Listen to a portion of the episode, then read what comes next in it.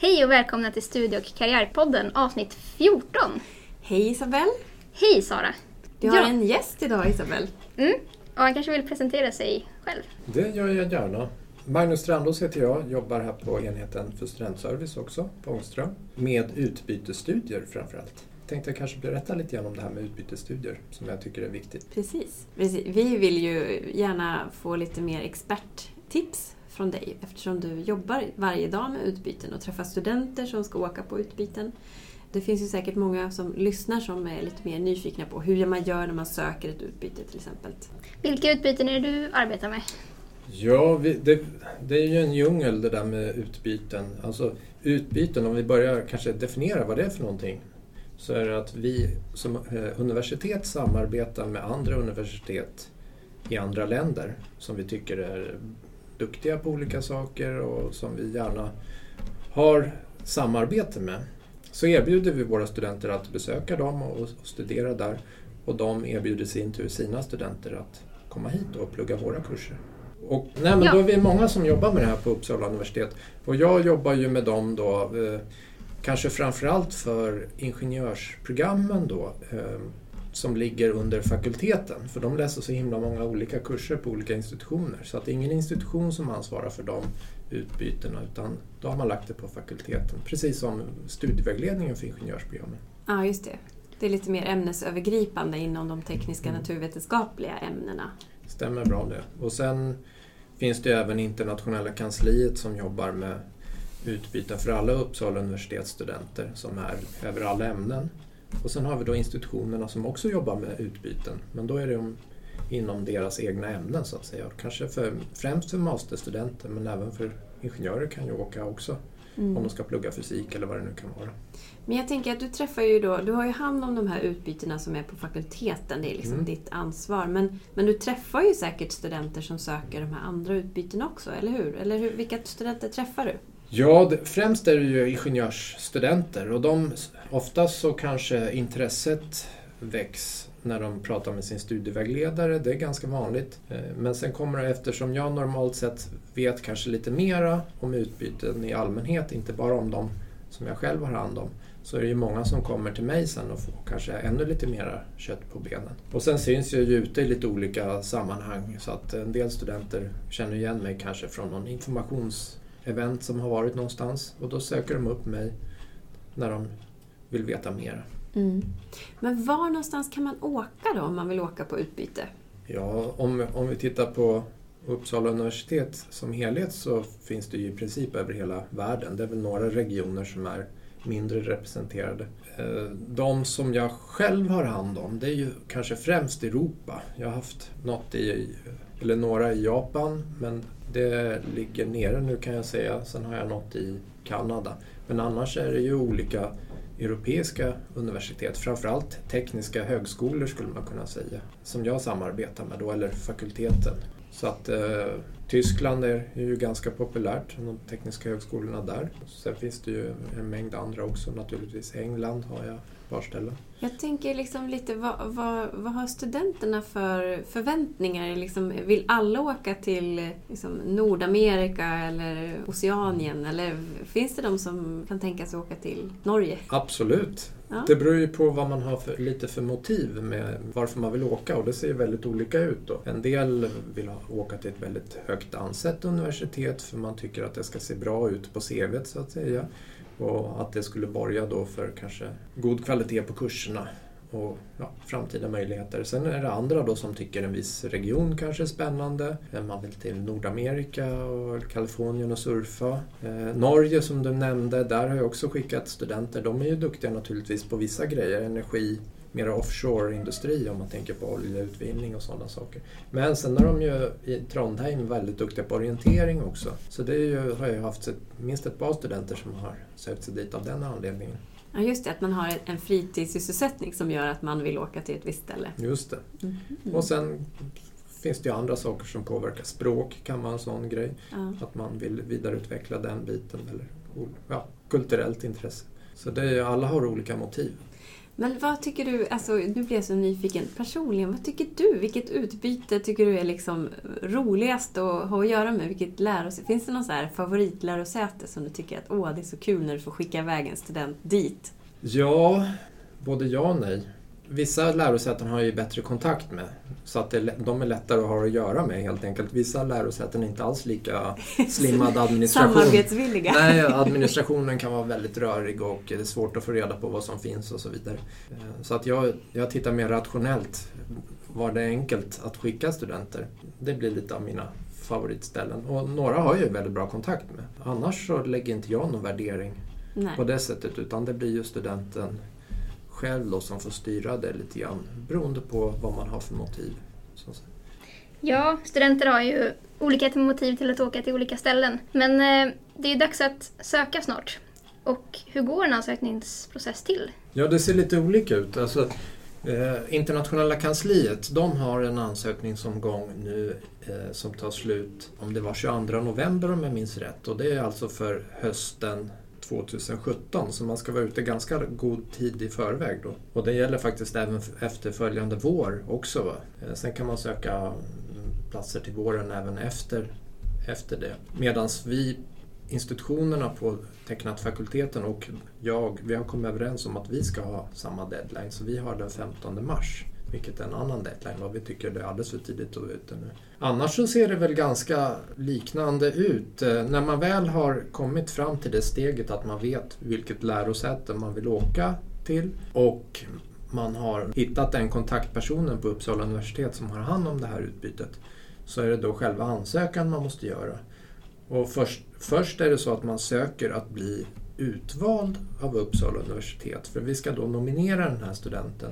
Det kan ju vara så att det är jättemånga som vill åka till ett ställe fast det bara finns ett begränsat urval av platser. Eh, dessutom finns det några då grundkriterier som alla måste uppfylla. Då samlar vi in de här ansökningarna och sen gör vi ett urval och väljer ut de studenter vi tycker är bäst. Och det, där ser kriterierna kanske lite annorlunda ut beroende på vem som har hand om det här utbytet. Då. Men eh, generellt sett så är det ju studiemeriter, det är en faktor. Mm. Är det viktigast liksom?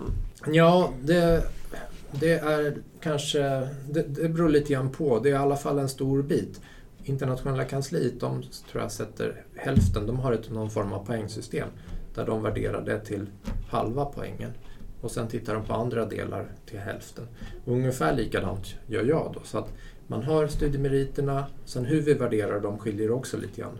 Jag tror internationella kansliet de tittar på antalet femmer till exempel. Mm. Och så vidare. Jag gör mer en helhetsbedömning. Men sen finns det också en annan del som har med motiv, personliga motivet till att åka ut att göra. Hur relevant är det för di- dig i din utbildning?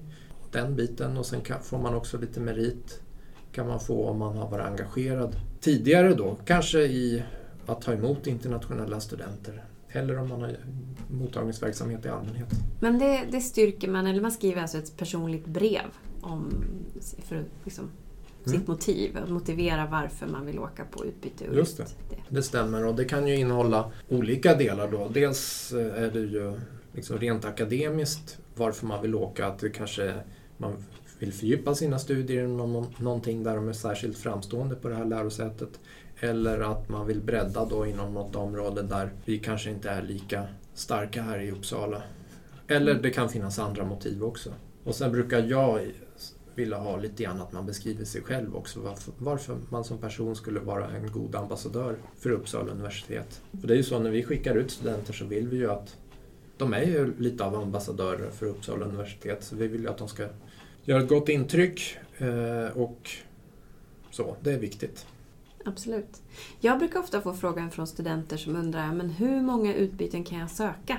Just det där att man kan söka från internationella kansliet, Mm. man kan söka från fakulteten och man kan söka från olika institutioner. Mm. Finns det någon gräns där? Nej, det gör det inte. De är ju, det är ju oberoende omgångar. Så att internationella kansliet, då har man en... Man kan ju söka flera då samtidigt och sen rangordnar man.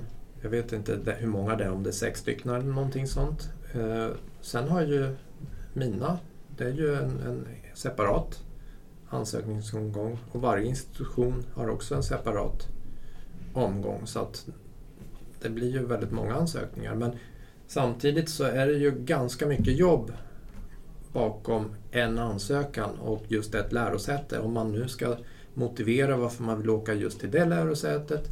Man kanske krävs att man då ska ange också ett preliminärt kursförslag.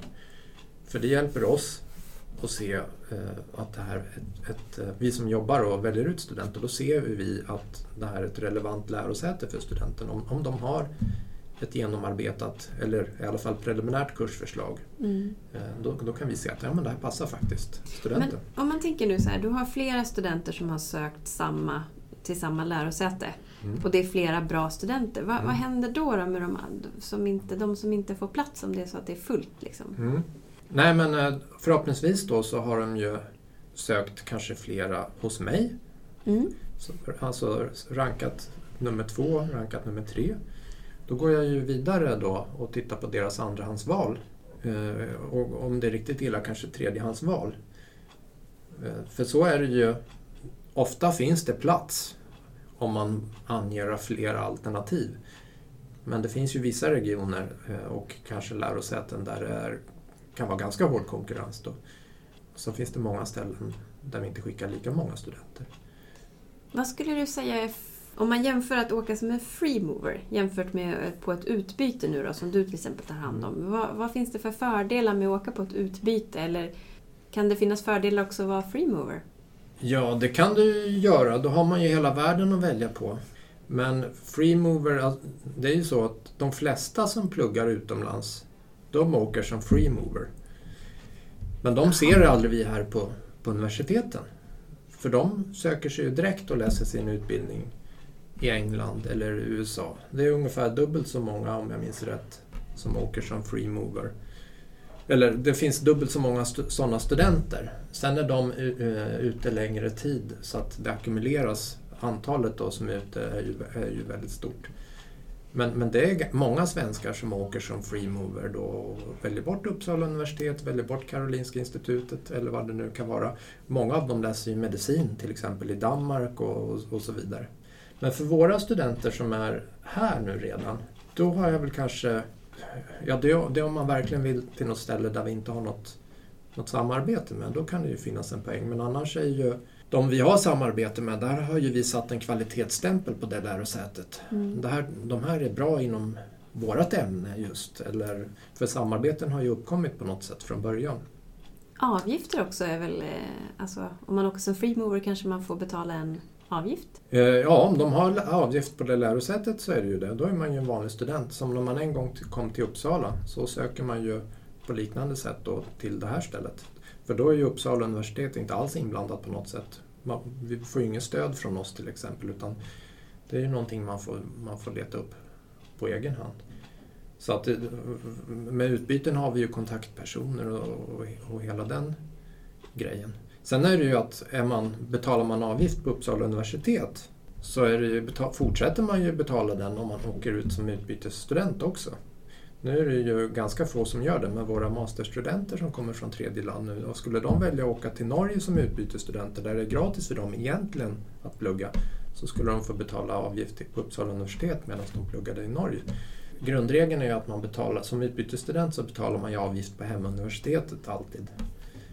Men om man åker som freemover, ja då får man ju betala vad det kostar dit man kommer. Mm.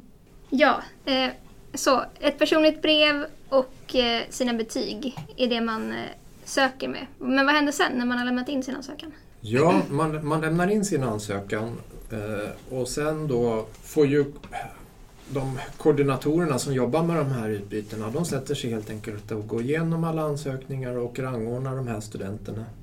Och det är ju ett litet pussel då eftersom samma student kan ha sökt olika alternativ och då kanske Ja, det är en urvalsprocess helt enkelt som kan bli lite stökig. På, på tecknat, vi brukar faktiskt prata, vi har en dialog mellan varandra också, så vi vill gärna att studenten anger om man har sökt utbyte någon annanstans. Så kan vi försöka stämma av lite med varandra så att vi inte lägger ner jättemycket tid på en ansökan när studenten ändå ska åka någon annanstans.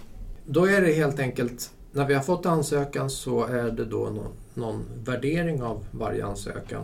Så man, man sätter sig helt enkelt och, och eh, gör någon form av poängsystem kan man säga på studiemeriter, på personligt brev, eh, kanske på andra meriter och sen väger man ihop det till någon form av slutpoäng. Som då ligger till grund av för hur, hur man ska då rangordna studenterna.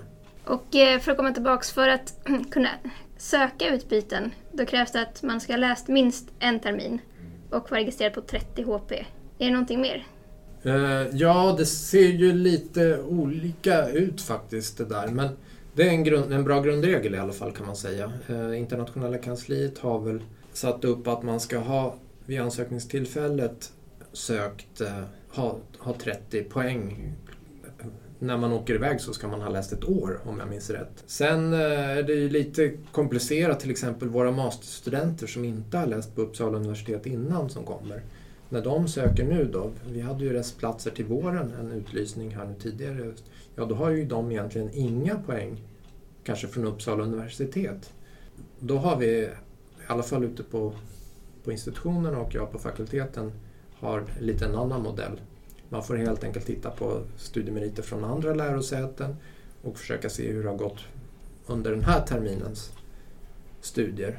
Och sen kan man då förvänta sig att de, när de åker iväg i alla fall till våren så har de då en termins studier vid Uppsala universitet med sig. Men när ni har rangordnat nu de här Mm. ansökningarna, vad händer då? då? Ja, när vi har rangordnat ansökningarna meddelar vi ju studenterna resultatet. Alltså vi tilldelar då platserna efter de här rangordningarna. Och vi har ju begränsat antal platser. Så att det blir alltså fullt på vissa ställen och sen fyller vi på på andra ställen. Och sen meddelar vi då studenterna vad de har liksom fått plats på igen. Och sen vill vi ha ett besked. Det är ju då, de kan ju ha fått plats någon annanstans eller de kanske har ångrat sig eller så vidare. Och, och är det någon student som inte har fått plats alls så kanske vi tipsar om ytterligare något lärosäte då som det, det finns lediga platser på. Och när studenten har fått tackat ja eller nej, ja då finns det ju flera kommande steg sen. Då kommer vi, talar vi om att okej, nu kommer vi nominera dig till utbyte till det här lärosätet. Så då tar vi kontakt med partneruniversitetet och säger att ja, men nu ska Anders Andersson här läsa hos er under våren. Och då kommer nästa steg. Då ska man helt enkelt skicka en ansökan dit ner där det ska vara, som är mer detaljerad med exakt vilka kurser det ska vara och så vidare. Så går ju de igenom och tittar på den ansökan och ser att studenten är behörig till respektive kurs. Och till den, till den ansökan är det också en massa dokumentation som det här värduniversitetet vill ha. Men vi vill också ha vissa grejer. Till exempel så gör man upp ett så kallat learning agreement oftast, i alla fall inom Erasmus-programmet. EU-program för utbyte, Där vi från Uppsala universitets sida säger att ja, men vi, vi tycker att det här är bra kurser som studenten läser. Studenten signerar också och säger att ja, men det här är de kurser jag vill läsa. Och sen mottagaruniversitetet i slutändan signerar att ja, men studenten får läsa de här kurserna. Så att det blir någon form av litet avtal då för just den här studenten. Men hur pass bindande är det där avtalet sen? Men när saker och ting kan hända när man väl är på plats liksom. Saker och ting kan hända och det är inte alls säkert att i vissa fall så vet studenterna, det är svårt att få information så det, det är väldigt preliminärt det här eh, learning agreement innan man kommer på plats. Oftast så vet man ganska bra vad som finns men ibland så är det så att det är, det är under första veckorna där, det är då man får reda på vilka kurser som egentligen går. Det där blir ett levande dokument som det stryks och det ändras lite fram och tillbaka då hela tiden. En vanlig fråga jag brukar kunna få av studenter när de ska göra sin första ansökan. Mm. För då måste de ju skriva med eh, eventuella kurser de vill läsa.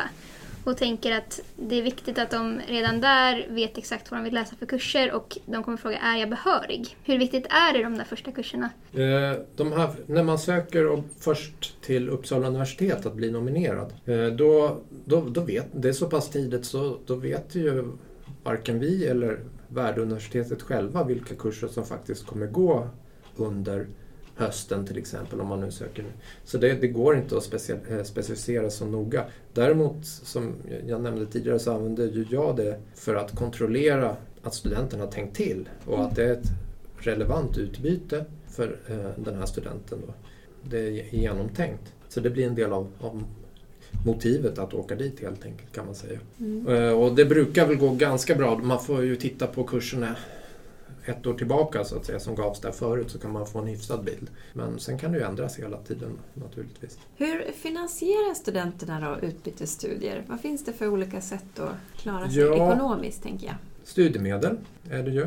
Man kan få lite extra också. Eh, sen är det ju om man åker inom det, det vanligaste som vi har det är väl kanske Erasmus eller Erasmus plus som det heter numera. Och då får man ett stipendium, alla som åker ut och det ser lite olika ut men det är Klarar man sig bara på Erasmus-stipendiet om man åker till Tyskland, säger vi? Nej, det gör man inte utan det är till, för att täcka merkostnader. Det är ju 350 euro per Mm. månad plus minus 25 euro ungefär. Lite beroende på om det, om det är ett högkostnadsland eller lågkostnadsland. Så det är mer ett, ett ti- tillägg för extra omkostnader. Ibland kan det vara ganska dyrt med bostad till exempel. Även om det är dyrt i Uppsala så kan det vara ännu mycket dyrare på vissa ställen. Och då är det klart att det är skönt med de här extra slanten då man får. Eh, sen finns det ju andra Nordplus-finansierade utbytesprogram. Jag har hand om något som heter Nordtech till exempel. Då får man också ett stipendium. Det kan finnas lite olika grejer men, men det, utanför EU och Norden så då är det inte så mycket som finns faktiskt. Då, då kan man hitta vissa specialstipendier men det är inte, inte så vanligt. Jag tror att vi behöver eh, runda av. Ja. där. Det var jättelärorikt att höra dig berätta om det här Magnus. I eh, vår podd så brukar vi ju länka till vissa webbsidor. Självklart ska de åka på utbyte. Ja, Ja, precis. Bra, det tycker vi också. Ja, Nej, men tack så hemskt mycket Magnus. Ja, tack för att jag fick komma. tack. Ja, hej då alla som har lyssnat. Hej då!